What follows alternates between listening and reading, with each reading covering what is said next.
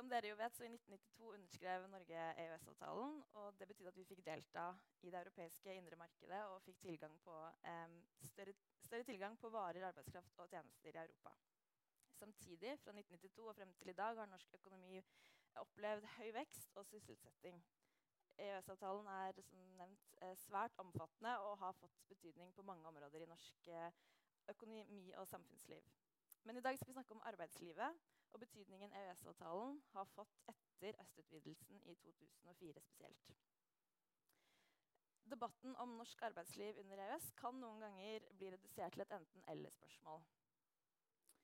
Eh, på den ene siden blir det tegnet et bilde av et eh, arbeidsliv hvor alt er i skjønneste orden, og på den andre siden ses utmelding på som eneste løsning. I Agenda i det arbeidet vi gjør, eh, har vi sett nærmere på både de reelle utfordringene og det som skaper uro, eh, men også alle gevinstene EØS-avtalen bringer med seg.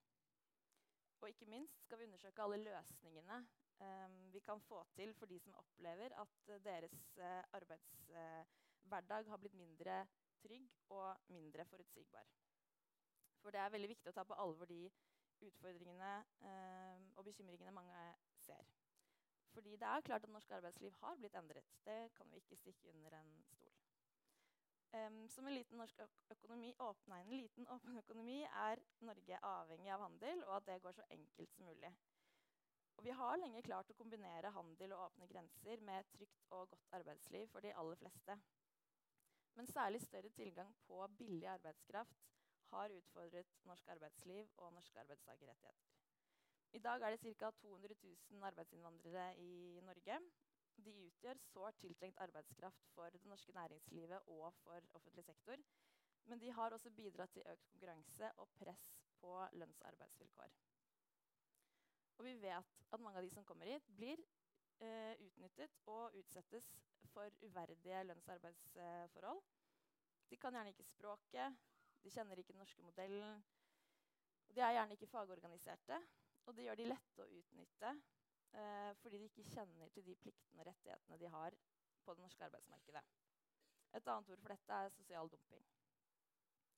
Det har også blitt tydeligere at eh, ikke alle i Norge heller har tjent på de åpne grensene. Enten ved at de blir utkonkurrert eller direkte utbyttet med billigere arbeidskraft. Um, vi vet også at ikke den økonomiske veksten som Norge har opplevd fra 1992 og frem til i dag, har blitt fordelt rettferdig. Um, selv om EØS-avtalen er omfattende, er den også dynamisk, og en avtale det går an å påvirke. Og mye er fortsatt uh, overlatt til det enkelte medlemsland å bestemme selv. Det mye omtalte handlingsrommet, elsket og utskjelt, uh, kan fylles mye bedre enn det det gjør i dag. Og det er um, vår, hjelp, nei, vår oppfatning at ved hjelp av norske politikere så kan vi fortsatt ha verdens beste arbeidsliv, også med EØS-avtalen. Oslo kommune er et uh, eksempel til etterfølgelse når det gjelder å vise handlekraft. Oslo kommune stiller i dag strenge krav til faste stillinger med ordentlig lønn, uavhengig av om du er fast ansatt eller innleid korte leverandørkjeder og gjennomfører strenge kontroller eh, ved sine innkjøp av bygg- og anleggstjenester. Denne modellen er en utvidet og forsterket modell av det som dere kanskje kjenner som Skiens- eller Telemarksmodellen. Men Oslo kommune sin modell er strengest, og derfor har vi i Tankesmien Agenda anbefalt at den bør gjøres til en nasjonal standard. Raymond kan sikkert fortelle mye mer om denne modellen etterpå.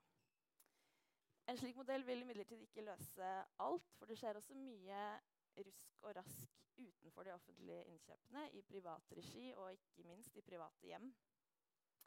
Men det tiltakene i Oslo kommune viser, er at sosial dumping og uthuling av den norske arbeidslivsmodellen ikke er en pris vi er nødt til å betale for å få arbeidskraft og tilgang på det indre markedet.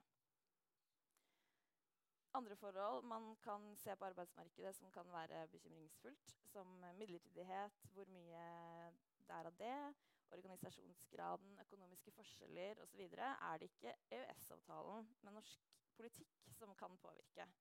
Og det må vi huske å minne politikerne våre på. Vi må heller ikke glemme at etter 2004 har reallønnsveksten i Øst-Europa vært mye høyere enn i Norge. Reallønnsveksten i Norge i fjor var 0,1% I Polen var den 5,6 og i Romania var den hele 13,4. Så forskjellene innad i Europa blir mindre, og det er jo veldig bra. Og så må vi her hjemme sørge for at det norske arbeidsmarkedet fortsetter å være trygt, velorganisert og dermed også produktivt. Så for å oppsummere eh, EØS-avtalen har tjent eh, norsk økonomi godt. Men ønsker vi handel over grensene, må vi også ha mer politikk for å bøte på utfordringene som frie markeder ofte bringer med seg. For jo åpnere grenser, dess mer regulering trenger vi. Og det står på norske politikere og partene i arbeidslivet å få det til. Tusen takk for meg.